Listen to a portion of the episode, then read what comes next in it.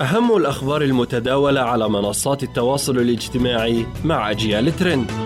في ظل غياب أو قلة الجهات التي تقوم بإرشاد طلبة الجامعات وطلبة الدراسات العليا في العالم العربي في مساراتهم التعليمية والعلمية بدأت قصة العيادة التعليمية عام 2018 وانطلقت كمجموعة صغيرة على موقع التواصل الاجتماعي فيسبوك بهدف مساعدة الباحثين العرب الشباب في دراساتهم الجامعية.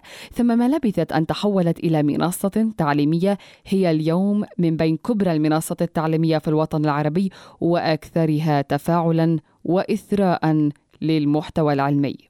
بعد مرور أربع سنوات على إطلاقها تجتذب العيادة التعليمية اليوم أكثر من 110 ألاف متابع للمنصة من مختلف الدول العربية. وما زالت تستقطب إليها مزيدا من الطلبة والباحثين الشباب فضلا عن المهتمين بقضايا العلوم والتكنولوجيا من الجمهور العام.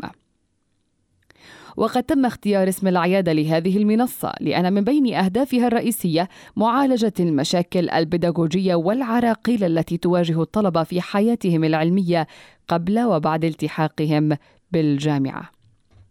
تتواجد العيادة بقناة على اليوتيوب لرفع جميع اللقاءات والكورسات العلمية التي بدأت العيادة التعليمية في تقديمها والتحضير لها لكي تكون بمثابة إضافة قوية للمحتوى العلمي العربي المقدم على شتى وسائل التواصل الاجتماعي المرئية منها والمكتوبة.